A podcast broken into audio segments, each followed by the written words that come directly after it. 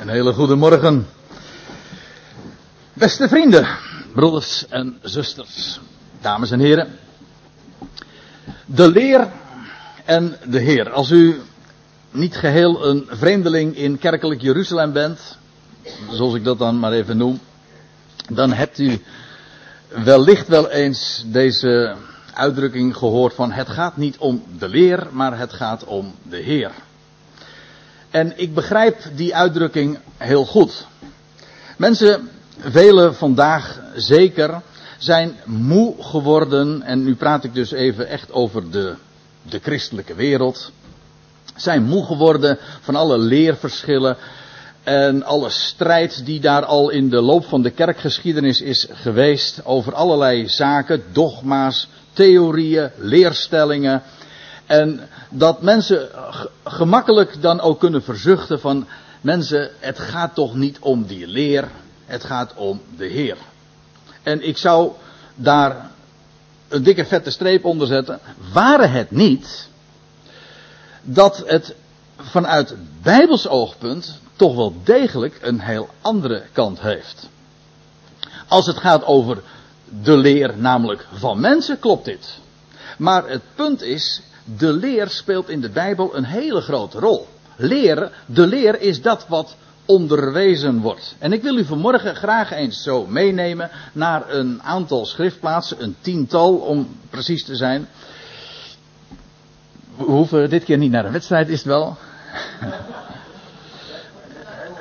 We zitten heel ontspannen. Nee, ik zal me inhouden hoor. Maar ik wil u toch eens wat laten zien en ook tonen over wat de schrift zegt over de leer. En daarbij ben ik met mijn tien schriftplaatsen bepaald niet uitputtend bezig. Want kijk maar eens een keer in de concordantie en u zult zien dat het woord leer, de leer, maar ook ja, als werkwoord al helemaal, dat wat geleerd wordt,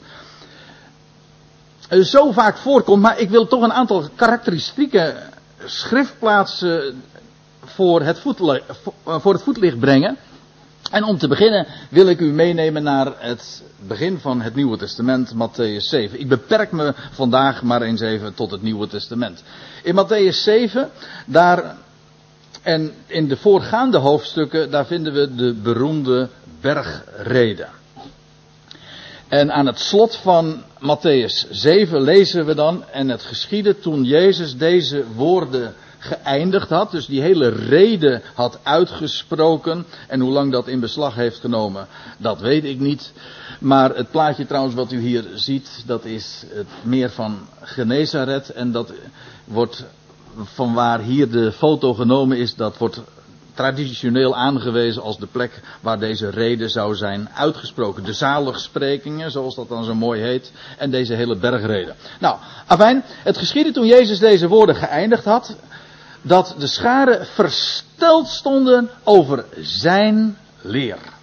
Versteld, ze waren zo verbaasd over zijn onderwijs.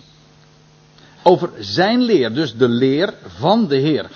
Dan begrijp je meteen al dat die uitdrukking, het gaat niet om de leer, maar om de Heer, al niet kan kloppen. Want het is nu juist de Heer die ons versteld doet staan van zijn leer. En dan ga ik er nog in dit verband maar even aan voorbij dat de Heer Jezus deze woorden sprak tot de kinderen Israëls, niet direct tot ons, indirect uiteraard wel, want heel de schrift is voor ons. Maar de Heer Jezus was gezonden tot het huis Israëls. Wel, de schare die dat heeft aangehoord, ze stonden er versteld van zijn leer. En er wordt trouwens ook bijgezegd waarom.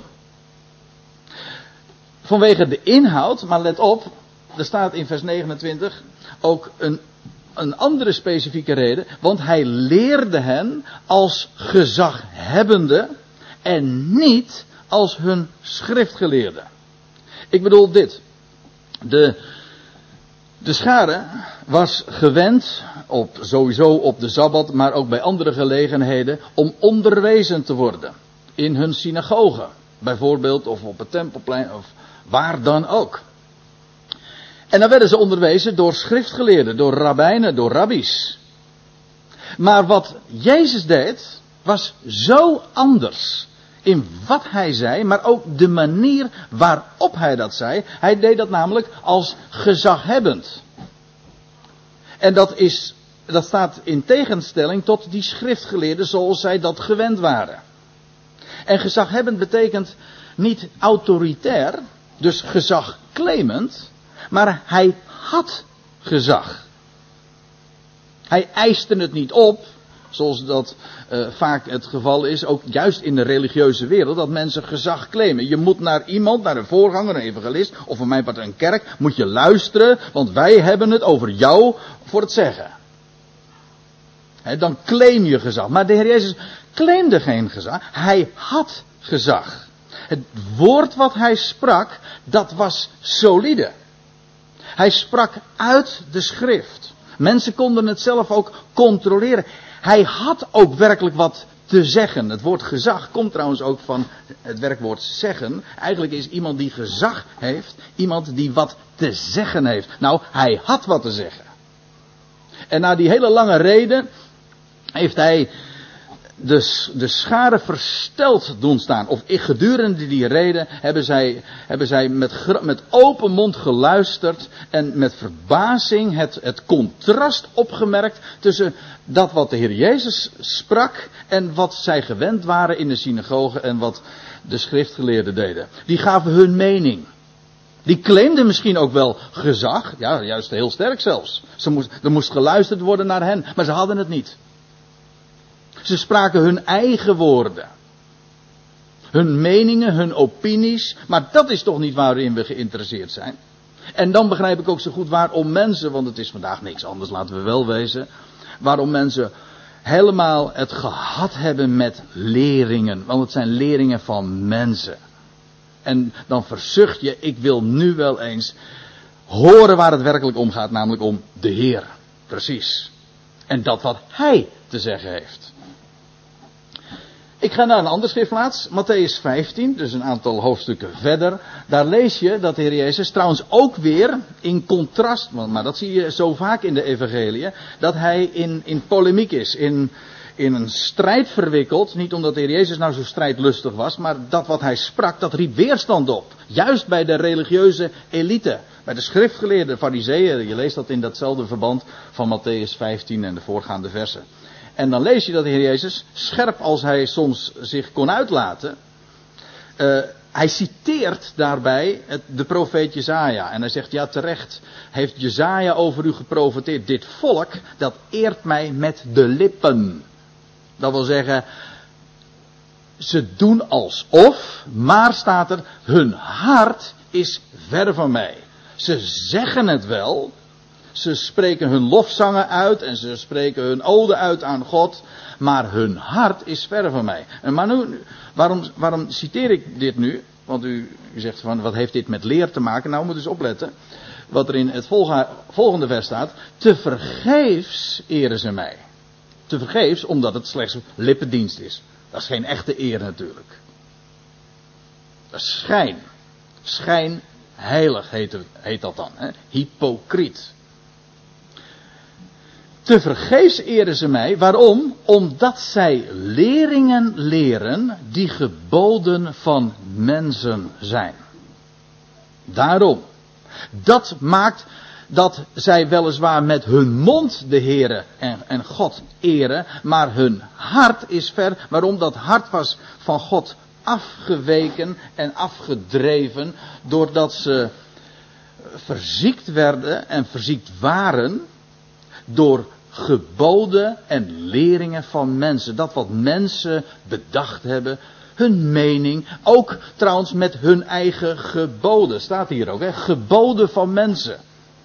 Rabbijnen hebben vele dingen toegevoegd aan, aan de Torah van God. En daarmee de, een last op de schouders van mensen gelegd. En in plaats van dat het woord, het woord Torah betekent onderwijzing. Het, het, het, het, wijst, want dat is wat het woord onderwijzing ook eigenlijk aanduidt. In het Nederlands is dat heel mooi, hè? Onderwijzing. Leer is onderwijzing. Maar onderwijzing, daar zit het werkwoord wijzen in. Nou, dat is wat een onderwijzer ook doet. Hij wijst op dingen. Hij legt niet dingen op. Nee, een goede leraar, een goede onderwijs, ook een, dat geldt ook voor bij, juist voor bijbels onderwijs, dat is niks anders dan een, een gids. Wat doet een gids? Hij neemt je mee. En hij vertelt niet wat je moet denken, wat je moet vinden of wat je moet doen. Dat deden die schriftgeleerden. En vandaag, ik zeg het nog eens, denk nou niet alleen maar, oh dat waren die rabbijnen ton, 2000 jaar geleden. Of u denkt misschien aan, aan, aan het jodendom in onze dagen. Het christendom, en het geldt voor godsdienst in het algemeen. Men bedenkt slechts wat mensen moeten vinden. En, en dat moet trouwens voortdurend, want ja, dat is eigen aan mensen. Voortdurend weer veranderd worden, aangepast worden. Want ja, zo gaat dat met leringen van mensen. Maar ook wat mensen opgelegd krijgen zodat ze daardoor eigenlijk alleen maar gedeprimeerd worden. Want u weet hoe dat gaat, dat als je een last op je schouder krijgt, hè, wat dan ga je gebukt. Maar wat, wat doe je als je gebukt gaat? Dan kijk je precies de richting op waar een mens niet in, in zou moeten kijken, namelijk naar beneden.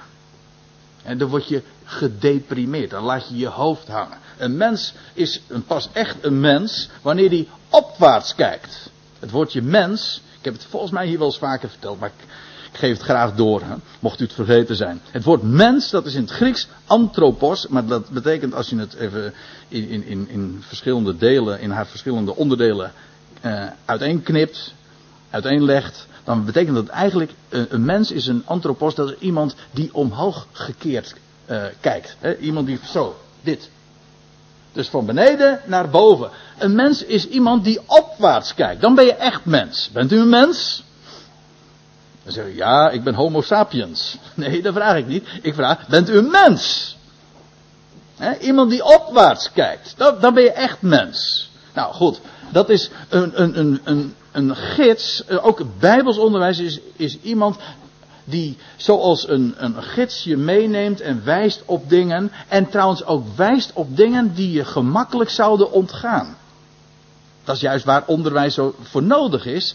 Die je wijst, dat is ook zo mooi aan onze taal, wijst op de dingen die onder de oppervlakte ligt.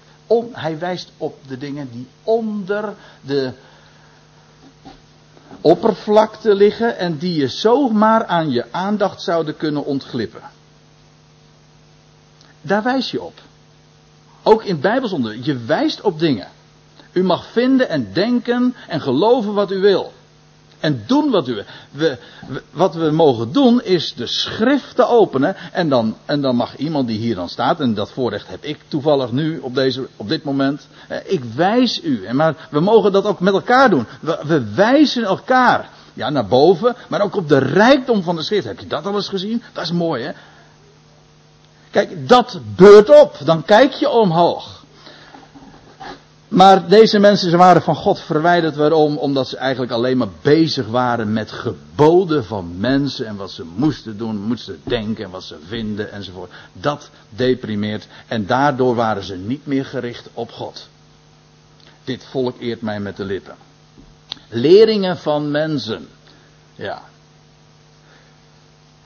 we gaan nog naar een andere schriftplaats. We blijven nog even in de Evangelie. Johannes 7. En ik zei al, de keuze die ik maak is wat willekeurig. Niet helemaal, want ik heb wel echt nagedacht over, ja, wat zal ik in dit verband, in, in, in, dat, de, half uur, drie kwartier die ik krijg, uh, naar voren brengen. Maar ja, er zijn zoveel andere schriftplaatsen die ik had kunnen noemen. Ook in de evangelie waarin het woord leer en het onderwijs van de Heer centraal staat. Er staat in Johannes 7, want dat vind ik toch wel, vond ik wel heel opmerkelijk. Daar staat dit. De Joden dan verbaasden zich, heb je weer dat woord. Ze verbaasden zich en ze zeiden, hoe is deze, en het gaat hier over, over Jezus, hoe is deze zo geleerd zonder onderricht te hebben ontvangen? Was niet waar natuurlijk hoor. De heer Jezus was inmiddels uh, ruim 30 jaar oud. En hij heeft zijn hele leven onderwijs ontvangen. Hij is altijd. We weten eigenlijk niks van zijn jeugd. Zo goed als niets. Het enige wat we weten, die ene episode. Ik bedoel, even afgedacht van het geboorteverhaal dat we in Matthäus en Lucas vinden. Maar voor de rest weten we alleen maar iets over wat er is, uh, heeft plaatsgevonden toen hij een jochie van 12 jaar was. En waar was hij mee bezig? Dat is het enige wat we weten van zijn jeugd. Zeg maar vanaf zijn geboorte tot aan zijn openbaar optreden. Waarmee, waarmee was hij bezig?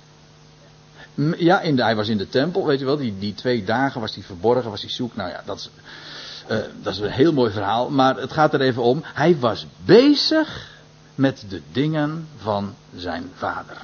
met de schriften. En toen nou, trouwens, deed hij ook al de schriftgeleerden verbaasd aan door alleen maar goede vragen te stellen. Door zijn vragen en antwoorden. Hij was bezig met de dingen van zijn vader, met het woord van zijn vader. Daar is hij mee bezig geweest. Daardoor is hij geleerd. Misschien niet, hij had geen opleiding genoten zoals de rabbijnen dat hadden. Nee, en daardoor stond de schade juist versteld. Ze, hij bracht werkelijk iets wat niet anders dan van God kon zijn. Hoe is deze zo geleerd zonder onderricht te hebben ontvangen van mensen? Hij, was misschien, hij, had, hij had niet de papieren, of hij was niet bevoegd, hij, was, hij had niet een academische opleiding. Nee, het was een timmerman. Maar die door en door de schriften kende. En wat hij in zijn onderwijs hier op aarde gedaan heeft, is te wijzen op de schriften. En op dat wat in de schriften verborgen ligt. En dus onder de oppervlakte. Het onderwijs. Hoe is deze zo geleerd? Nou staat er, zegt Jezus dan, Jezus antwoordde toen. En hij zei, mijn leer, de leer van de Heer dus, hè, mijn leer is niet van mij. Dat heb ik niet van mezelf. Maar van hem die mij gezonden heeft. En dan staat er nog achter, in vers 17. Indien iemand diens wil doen wil, dien, dat wil zeggen van hem die mij gezonden heeft, van God dus, zal hij van deze leer, dat wat ik dus onderricht, wat ik onderwijs, weten of zij van God komt. Dan of ik uit mijzelf spreek. Waarin natuurlijk ook nog de suggestie ligt zoals jullie dat doen. Uit jezelf spreken. Of uit de traditie misschien voortbrengen maar niet uit dat wat in de schriften ligt opgesloten. Kijk, iedereen kan weten. En kon weten. En Jezus daagt eigenlijk zijn toehoorders en zijn opponenten uit. Van, dat wat ik vertel, dat heb ik niet van mezelf.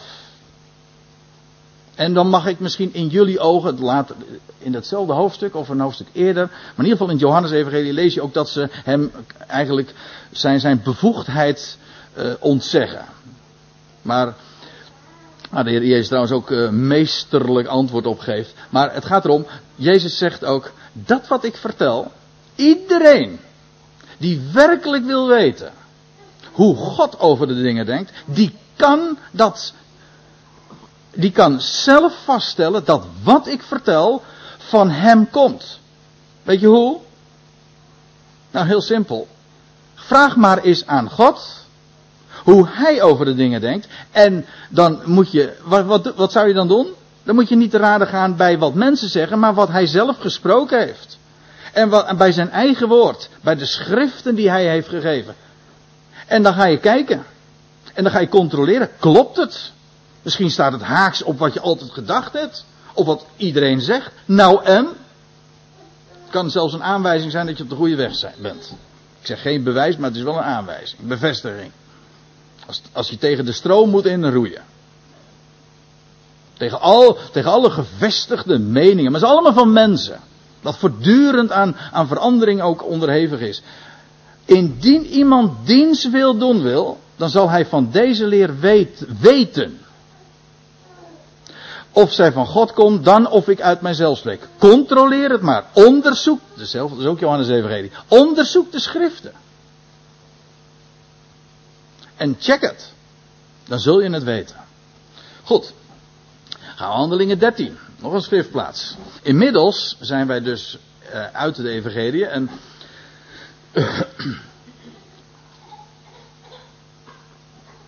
dan vinden we in Handelingen 13 de, een prachtige geschiedenis. Ook heel opmerkelijk dat voor het eerst komen we daar Paulus tegen. En meteen een, dubbele Paulus. Heel eigenaardig. Want in Handelingen 13, vers 9 wordt Saulus voor het, eh, eens voor altijd Paulus. Hij, in Handelingen 13 is de grote omslag, dat wil zeggen dat, dat het heil van God naar de natieën gaat, naar, naar de heidenen gaat. En Paulus voor het eerst dat hij daar op het, u ziet hier, maar u ziet het wat door de lichtval wat onduidelijk, maar dit is het eiland Cyprus. Uh, Paulus is met zijn medewerker is hij het eiland uh, overgetrokken langs de kust. En dan komt hij uiteindelijk aan, het, aan de oostkant. Uh, aan de westkant natuurlijk. Van het eiland aan. En dan komt hij ene Sergius Paulus tegen. En dat was een landvoogd. En ja, daar was ook nog een, een Joodse man, een tovenaar, Elimas. Hij of Bar Jezus wordt hij ook, werd hij ook genoemd. En die, die probeerde die Sergius Paulus af, uh, af, afkerig te maken van het woord dat Paulus predikte. Wat, wat Saulus predikte, ja. En dan lees je dat die, die, die, die Jood, uh, want het, Paulus ont, ontstak in toorn wat die Jood deed. Notabene iemand, een Jood, die, aan wie de woorden Gods waren toevertrouwd, nietwaar? Die probeert juist een blokkade te vormen voor het woord van God. En dan wordt die Elimas, u, kunt dat in die geschiedenis nalezen, het gaat te ver om dat nu ook allemaal uit te leggen, want het is, dat voert echt uh, veel te ver. Het gaat even erom dat die Elimas, die wordt ter plekke blind, voor een tijd. En dus een, een, een, een schitterende illustratie van hoe het heil van God, juist door, de, door Israël, door de Joodse afkeer van het evangelie, eh, hoe het heil naar de natieën gaat. Want die Sergius Paulus, dat was een landvoogd, dat was gewoon, dat was maar niet een godvrezende man, of een, een vreemdeling in Israëls poorten, zoals eerder Cornelius al. Nee, het was echt een, gewoon puur een heiden. En als eerste echt pure heiden krijgt, komt hij in aanraking met het woord van het evangelie. Precies daar waar, waar die Jood hem afkerig had willen maken van het woord van God. En bovendien. Uh, nou ben ik even de draad kwijt. Uh, ja, hij wilde hem eh, afkerig maken van het, uh, van het woord van God. En dan wordt die Elimas ter plekke blind, zoals ik al zei. En dat is een uitbeelding van de tegenwoordige tijd waarin het Joodse volk inderdaad verblind is. Ze zien niet op wie de Heer is en het evangelie. En het woord gaat naar de, heidenvol naar, naar de heidenvolkeren toe, naar de natieën. Nou, die Sergius Paulus, daar gaat het me nu om. Die ziet dat voor zijn eigen ogen gebeuren. En dan staat er, toen hij dat zag wat er gebeurd was, toen kwam hij tot geloof. Hij geloofde, dat wil zeggen hij aanvaarde. En hij werd zeer getroffen. Het, hier staat in het Grieks hetzelfde woord als wat we eerder al tegenkwamen. Als dat ze met stomheid waren uh, geslagen en dat ze verbaasd waren. Hij is zeer getroffen door de leer des Heren. Door het onderwijs van de Heren zelf. Bij monden van Paulus. De leer van de Heren. De leer of de Heer? Nee, het is juist de Heer die leert. En die ons verbaasd doet staan. En die zijn woord zelf bewijst. Zoals die Sergius Paulus heeft ondervonden. En ook illustreert. Nou, we gaan, uh, we gaan verder. Efeze 4. Dat is weer een heel ander verband. Dat is het nadeel dan weer als je zo een, een bepaald woord of een bepaald thema uitkiest en je, en, en je gaat een heel, de hele schrift langs. Dan kom je iedere keer weer in een hele andere context, een heel ander verband. En dan kan ik het natuurlijk niet u aandoen om iedere keer dat hele verband ook aan te geven. Het gaat me puur iedere keer om dat woord leer. Van hem en ook in contrast met dat wat mensen leren en onderrichten. In Efeze 4 brengt Paulus naar voren dat God gaven heeft gegeven aan de Ecclesia, aan de gemeente. Apostelen ooit, profeten die het fundament hebben gelegd. Maar ook evangelisten, herders en leraars. En die hebben het de, ons de schriften gegeven. En die schriften zijn nu compleet. Wel, en die schriften die zijn de basis waardoor we werkelijk tot volwassenheid komen. Nou, en sinds die schriften compleet zijn, is de, is de Ecclesia volwassen. Alles wat te weten is, dat is geopenbaard en bovendien vastgelegd. Dat is de grondslag waarop we staan. Persoonlijk, maar ook gemeenschappelijk. En dan lees je in vers 14, Paulus heeft dat naar voren gebracht en dan, zegt, dan schrijft hij in vers 14, dan, dan zijn wij niet meer onmondig. Dat wil zeggen, als we staan op die grondslag van de schriften, dat, de dat wat God te openbaren had. En Paulus zelf is degene geweest die het woord van God ge, uh, gecompleteerd heeft. zegt hij zelf. Ik ben, hij heeft het woord van God voleindigd, afgerond, voltooid. Nou, als we daarop staan, dan zijn we niet meer onmondig. Dat wil zeggen, uh, mensen die, die niet kunnen praten. Mensen die ook niet geen weet hebben van. Nee, we zijn niet meer onmondig. En ook heen en, uh, nee, op en neer, heen en weer geslingerd. Je, als je het beeld voor je ziet, dan doet dat je meteen denken aan, aan golfslag. Hè? Het, de, de woordkeus van de eh, apostel Paulus wijst ook in die richting. Hij denkt aan golfslag. Dan word je op en neer, heen en weer geslingerd. En dan staat er onder invloed van allerlei wind van leer. En het is met opzet dat ik dat plaatje er ook bij gezet heb, dat die windvaan. En dat gaat alle kanten op. Dat is precies de beschrijving van de wereld waarin we leven. In alle opzichten, politiek, filosofisch, godsdienstig, niet in het minst, ook in de christelijke wereld. Er komt zoveel leer, zoveel meningen, zoveel opinies, zoveel woorden. Komt allemaal op je af. En wie moet je nou geloven? Die zegt dit, die zegt dat. En zij vinden dat het zus is. En die anderen vinden weer dat het weer, weer totaal anders is. En dan zie je dat mensen, als je onmondig bent, als je niet staat op het fundament van de schrift en het woord kent, waardoor we ook weten hoe we die schriften moeten openen en, en een leermeester kennen, zoals de apostel Paulus zichzelf ook van, van Gods wegen wist, hè, die leermeester van de natie. Als je hem kent, dan kun je de schrift ook openen. Dan weet je waar je het over hebt. Zo belangrijk dan word je niet meer, dan ben je daar niet aan onderhevig. Natuurlijk heb je daarmee te maken met al die, die wind van leer, maar je staat. Dan staat er, er staat trouwens nog bij over die wind van leer door het valse spel van mensen. Want er wordt gemanipuleerd hoor. Alles wat op ons afkomt, ook via de meningen en opinies, we worden gewoon gemanipuleerd. Feiten worden weggehouden. Ook, ik bedoel, in de, in de media, ook in de politieke, eh, in de politieke berichtgeving. De mensen krijgen niet de waarheid te horen, ze krijgen opinies te horen, meningen. En dat, en, en dat is zeer aan, aan tijdsgeest en aan, hoe noemen we dat? Uh, wat erg onderhevig is aan, aan tijden nou, ik, ik, ik, zoek even het woord. Hypes, ja, dat is het woord wat ik zocht. Uh, dus dat zijn van die hypes. Uh, dan is dat weer mode, om, om zus te denken. En ook in de christelijke wereld. Ik, ik merk, ook in de evangelische wereld. Is niet anders. Dat gaat van hype naar hype. En je hebt mensen die, die, die daar zelfs ook mee koketteren in hun, hun die, die vinden het prachtig als ze, als, ja vroeger dacht ik er zo, nu denk ik zo, en, en, volgend jaar denk ik er weer anders over. En, en mensen die, die, die, die, die, die lopen daar achteraan. En, en het moet allemaal, het moet modieus zijn, maar hoor eens eventjes, dan heb je geen vastheid.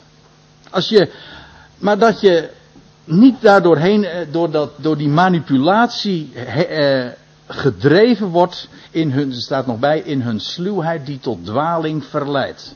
Want een mens gaat daardoor alleen maar dwalen. Logisch.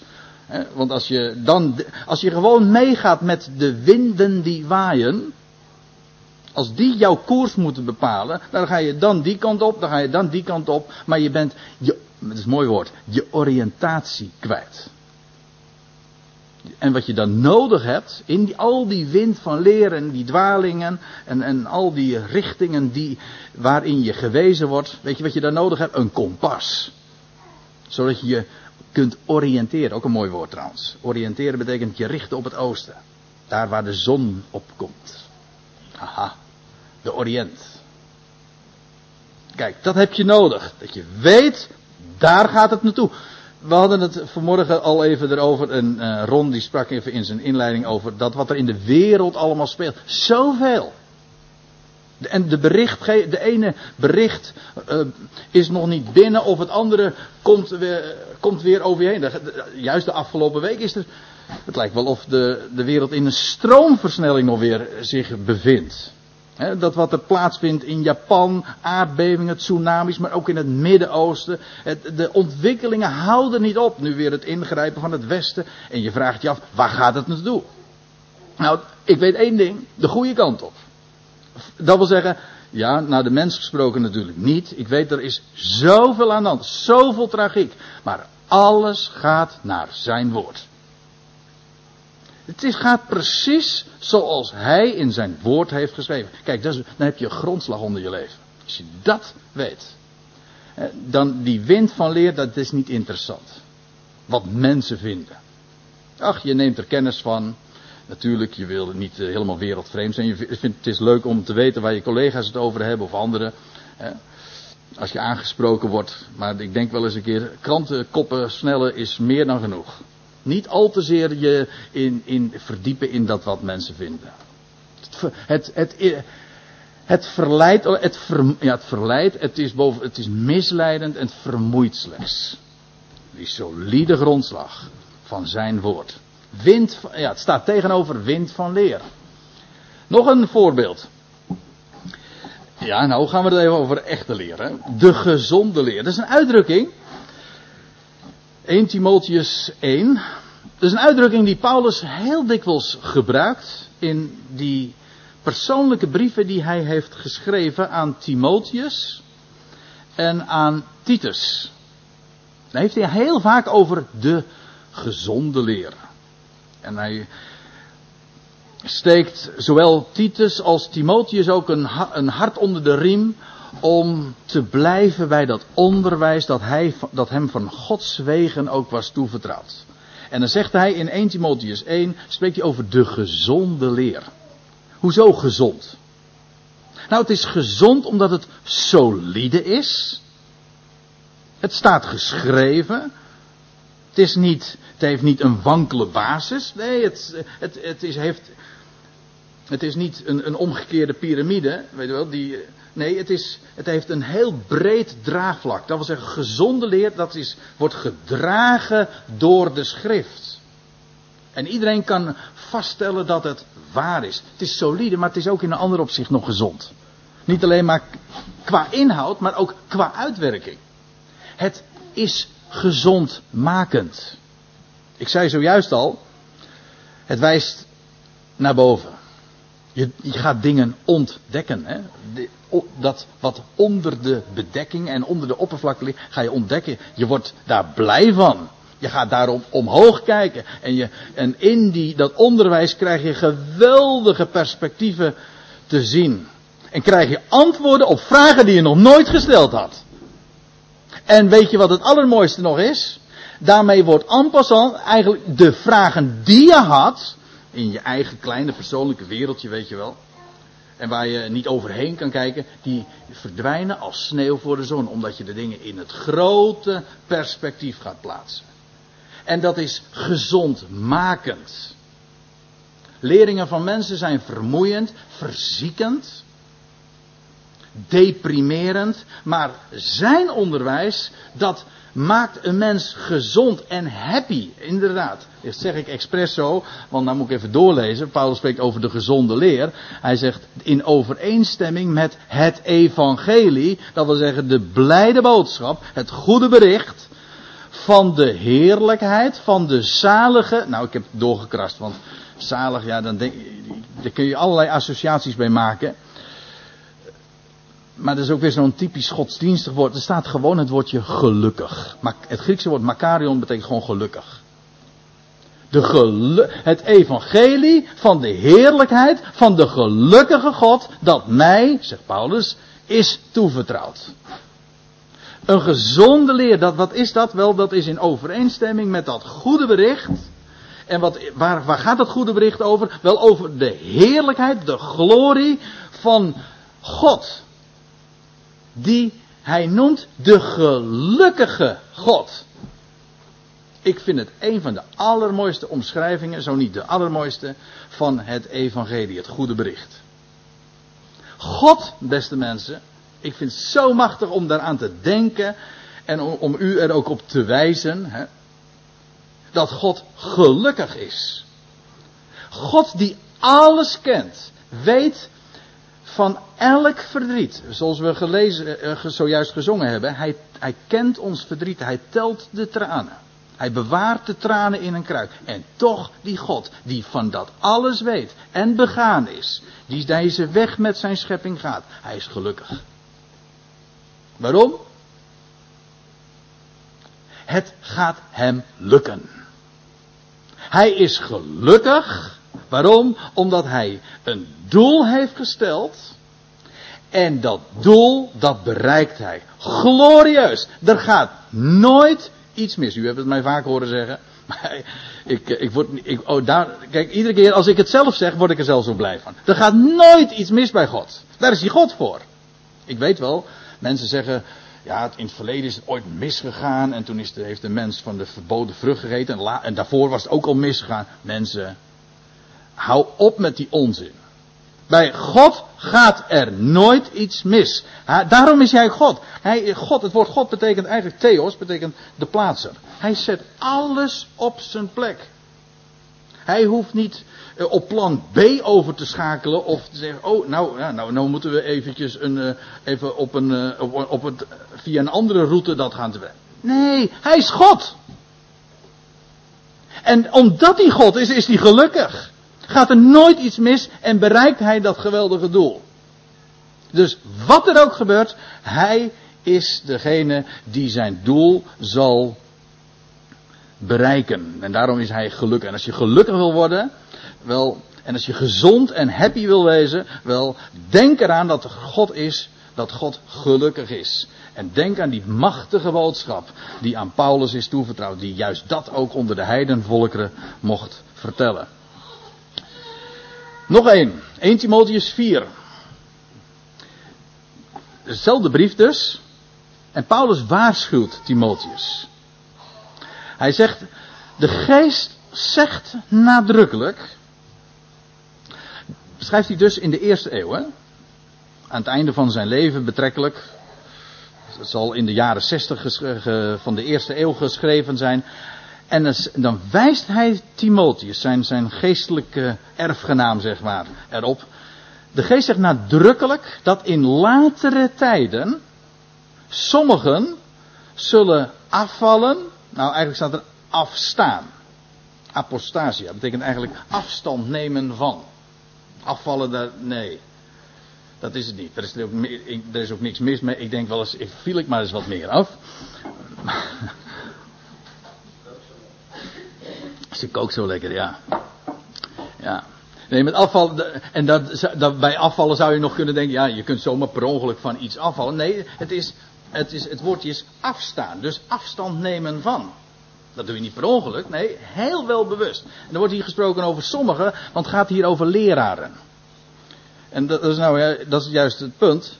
Als, en als, als leraar, als enkele leraren dan af gaan staan van het geloof. En dat onderrichten ze vervolgens, nemen ze de hele massa mee. En dat is precies ook wat er gebeurt. Wat trouwens in de, in de, de brieven van Timotheus ook heel duidelijk naar voren gebracht wordt. In het begint bij sommigen. Maar als, als je de effectieve mensen hebt misleid, dat wil zeggen degene die onderricht geven, ja, dan gaat de meute gewoon vanzelf mee. Dus sommigen zullen afstaan van het geloof. Dat wil zeggen de waarheid dat wat onderwezen wordt. De waarheid wat vertrouwd wordt. Doordat zij, en dan staat erachter, doordat zij dwaalgeesten en, nou heb je het, leringen van, en leringen van demonen volgen. ja, boze geesten staat er in de vertaling. Nee, leerlingen van demonen volgen. En dan staat er nog bij, door de huichelarij van leugensprekers. De huichelarij, dat het, Grieks, het Griekse woord, dat is, dat kennen we allemaal, is hypocrisie. Ja, dat, dat, weet je waar je aan je die leringen van demonen kunt herkennen? Paulus zegt, hij, hij voegt, in het Grieks staat er dit. En dit is de Engelse weergave. Hè? Hij zegt in hypocrisie van valse uitdrukkingen, van leugenuitspraken of van leugensprekers. Eigenlijk het woord hypocrisie dat is uh, een woord dat komt uit de toneelwereld. Je speelt iets. Dan, heb je een, dan, dan lach je. Maar ja, dat heb je als je acteur bent. Je, kan, je rol kan vereisen dat je lacht, maar terwijl je van binnen huilt. Of omgekeerd. Je speelt maar wat. Dat is, dat is precies wat hypocrisie is. En Paulus zegt, waarschuwt dat, dat in de toekomst leraren, want daar heeft hij het over, blijkens eh, de navolgende versen, zullen afstaan van het geloof en ze zullen leringen van demonen gaan volgen. Leringen van demonen die een karikatuur maken van het evangelie en een karikatuur maken van God. En, en die worden gekenmerkt in, door hypocrisie. Daardoor krijg je mensen ook mee. Want je doet iets voor als. En zo worden mensen misleid. Je, je presenteert iets als prachtig, als evangelie. Of je kunt mensen. Nou, ik had het net over God. Hè? God is God. Maar hoe vaak wordt. In, in de christelijke wereld, ik, ik ben er zelf eigenlijk ook zo vaak mee, zo mee groot geworden. En, en dat wordt verteld. Hè? Ja. Hoe kan dat? Als hij de dood heeft overwonnen en, en de dood ook als laatste vijand er niet zal doen. Hoe kan men dan spreken over de eeuwige dood? Kijk, als je dat doet, dat zijn, ik, als je dan spreekt over de dood die is overwonnen en God is, hij heeft alles in zijn hand, dat kun je wel mooi vertellen en daar sta ik helemaal achter. Maar als je tegelijkertijd zegt, dingen beweert die het tegendeel aangeven, dat is hypocrisie. Van leugenuitspraken.